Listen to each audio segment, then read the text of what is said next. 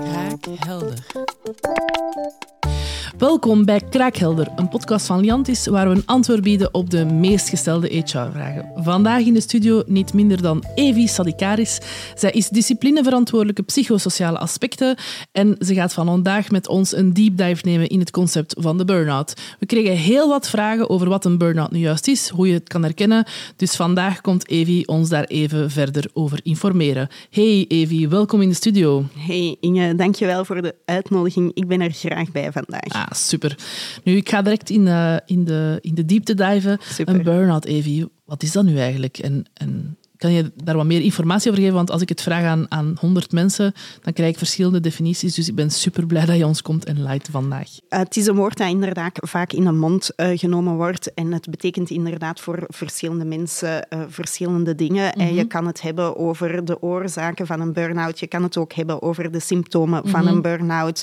Um, en het is belangrijk om daar een onderscheid in te maken, zodat je weet waarover dat je praat. Ja. Dus als we het hebben over de definitie van burn-out, zijn er twee belangrijke aspecten. Dat zijn echte symptomen en de oorzaken. Ja. Hoe kijk jij daarnaar? Hoe kun je het herkennen?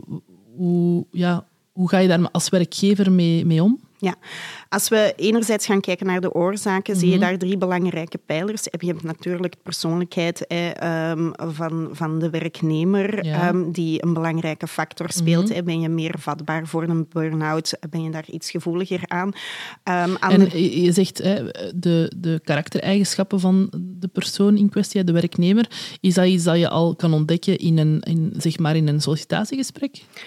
Je kan dat een stukje aftoetsen, maar weet wel dat het iedereen van ons kan overkomen. Alright. Wel heel dat... belangrijk ook, want ja. er bestaat wel wat taboe rond natuurlijk, dat het ja. een specifiek type van, uh, van mensen is. Nee, heel, heel, heel interessant. Nee, het kan ons allemaal overkomen. Nu, we merken wel mensen die van nature uit perfectionistisch mm -hmm. ingesteld zijn en die altijd de puntjes op de i willen zetten, die zijn daar misschien iets meer vatbaar voor. Of de echte hulpverleners onder ons die hun eigen behoeften zo naar achter schuiven okay. en vooral de belangen van anderen voorop stellen, um, die kunnen daar misschien ook iets gemakkelijker mee geconfronteerd worden. Maar um, versta mij niet verkeerd, het overkomt dus ons allemaal wel. Alright, wel een heel belangrijk inzicht ook. Ja. Hè, want er bestaat wel wat ja, we staan in de volksmond wel wat, wat mythes over. Hè, dat het, uh... Nee, super interessant. Uh, je hebt het gehad over het feit dat, dat het bepaalde kenmerken zijn. Zijn er nog zaken die, die je uh, aangeeft als belangrijk bij het herkennen van een burn-out? Ja. Uiteraard um, zijn de werkgerelateerde factoren een belangrijk element in, in het kader van burn-out. Uh, um, en we kunnen die eigenlijk gaan opsplitsen in vijf verschillende domeinen. Vijf zelfs? Vijf. Eh, de preventieadviseurs onder ons gaan weten waarover dat we het hebben okay. natuurlijk. Eh, je kan dat eigenlijk onderverdelen in vijf vlakken. Dus die, uh, wat zijn die vijf vlakken? Um, de arbeidsvoorwaarden, de omstandigheden, de interpersoonlijke relaties, mm-hmm. arbeidsinhoud en arbeidsorganisatie. Dat zijn er een hele boterham. Dat zijn er inderdaad een hele boterham. zijn er specifieke die belangrijker zijn dan andere, of is het altijd een combinatie van? Of? Ha, het, het is meestal wel een complex gegeven, maar wat zien we in de praktijk? Dat um, stress vooral veroorzaakt wordt ook door die interpersoonlijke relaties. Mm-hmm. Als dat niet goed zit, ja. hè, als je niet overeenkomt met je collega uh, of met je leidinggevende, of als je je niet beluisterd voelt, ja, dan veroorzaakt dat uiteraard wel wat stress bij ja. jou. Langs de andere kant, als je ook geen... Um, autonomie, autonomie hebt mm-hmm. binnen je werk. Hè. Als we dan puur naar, naar het jobinhoudelijke luik gaan kijken en als je het gevoel hebt dat je geen regelmogelijkheden hebt, dat je zelf niet kunt beslissen wat dat je eerst gaat doen, mm-hmm. um, ja, dan wordt dat natuurlijk ook moeilijk. Hè. Ja, dus het, het, is vaak een samenloop van bepaalde factoren Klopt. die uh, samen dan in combinatie met uh, uh, die oorzaken binnen ja. persoonlijkheidsprofiel. Ja. Zeg je dat juist? Ja, dat klopt. En um, ik moet het natuurlijk ook niet vertellen. En als er thuis van alles afspeelt uh, en uw nemmer zit eigenlijk al half vol of driekwart vol, vooraleer dat je naar het werk gaat, ja, dan, dan is er weinig ruimte. Dan ja. is er weinig ruimte. En zijn er uh, enkele concrete tips voor onze KMO's die je kan uh, bieden voor het herkennen van een burn-out? Ja.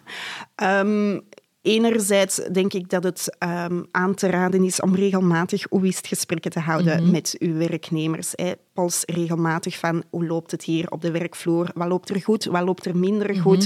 Ik weet dat dat niet altijd even gemakkelijk is. En je, je gaf het er juist zelf ook aan. Ehm, soms zit het ook nog echt in die taboesfeer. Maar als je signalen herkent, als je merkt dat mensen afstand beginnen te nemen, um, meer negatief ingesteld geraken, um, geen oplossingen niet meer zien, mhm. praat er dan over. Ga met die persoon in gesprek. Zet u even apart. Neem de tijd. Doe dat niet tussen de soep en de patatten voor de volle vijf minuten van hé, hey, hoe is het? En, en dan naar een volgende opdracht. Dus echt actief luisteren, hoor ik hier. Hè? Ja. Absoluut, actief luisteren. En heb je tips qua frequentie voor die gesprekken? Um, wat dat we sowieso adviseren is om um, toch zeker een één op één te hebben met je medewerker maandelijks. Mhm. Maar dat houdt u niet tegen om ook ad hoc in de wandelgangen een keertje te vragen van hey, uh, hoe is uw weekend geweest? Alles oké met jou? Zie je deze week zitten? Um, kan ik u nog ergens mee helpen? dus echt wel die actieve betrokkenheid ja, eigenlijk. absoluut. En naast die actieve betrokkenheid, zijn er nog tips die je kan geven voor onze, voor onze ondernemers? Ja. Merk je dat het preventieve luik, die Eigenlijk geen baat meer mhm. bieden en zie je dat je werknemer er echt wel onderdoor geraakt, mm -hmm. probeer dan ook samen te bekijken van oké, wat gaan we nu doen? Um, heb je effectief rust nodig? Soms is het nodig om iemand mhm. even eh, naar huis te sturen om te recupereren. Daar is ook niks mis mee. Bekijk dan ook samen met de werknemer um, wat dat je kan doen bij een eventuele terugkeer, waar dat we in een volgende podcast misschien dieper op gaan induiken. Alright, kijk tof, super. Um, om nog even te recapituleren, wat zijn nu de belangrijkste pijlers uh, van een burn-out? We kunnen hier van drie kenmerken spreken, mm Inge. Enerzijds um, voel je fysiek en mentaal uitgeput. Je bent er eigenlijk compleet onderdoor. Dat is een heel belangrijk mm kenmerk. Dat valt ook echt op voor heel wat mensen. Uh, een tweede kenmerk spitst zich eerder uh, toe op depersonalisatie. Wat betekent dat? Dat je eigenlijk afstand gaat nemen van de mensen met wie dat je moet samenwerken. Mm Dat zijn collega's, leidinggevende, klanten en dergelijke. Um, is dat iets dat echt actief opvalt? Of zit dat in de kleine nuances? je merkt dat vooral aan de negativiteit die een persoon op dat moment uh, gaat uitstralen. Mhm. En de goesting om met anderen in gesprek te gaan. Of het ontbreken van goesting eerder. Um, en een derde kenmerk is twijfelen aan jezelf. Twijfelen of dat je nog voldoende competent bent om die job uit te oefenen. Alright, nee, heel duidelijk. Daarmee denk ik echt wel dat onze, onze luisteraars aan de slag gaan om uh, een burn-out te kunnen herkennen en daar ook de nodige acties aan te koppelen. Voilà. Um, ja, rest er mij alleen nog uh, je te bedanken en voor mij uit te kijken naar uh, onze volgende podcast samen. Super, dankjewel. Beste kijkers, dankjewel om weer in te tunen op onze podcast Kraakhelder. Heb je nog vragen, feedback, uh, iets dat je wilt delen? Surf dan zeker naar liantis.be slash kraakhelder. Ben je ook actief op Instagram? Ga dan naar kraakhelder.podcast en sluit zeker in onze DM's voor al je feedback en vragen. Ik kijk er alvast naar uit om je weer te mogen ontvangen in van onze volgende podcast. Tot snel!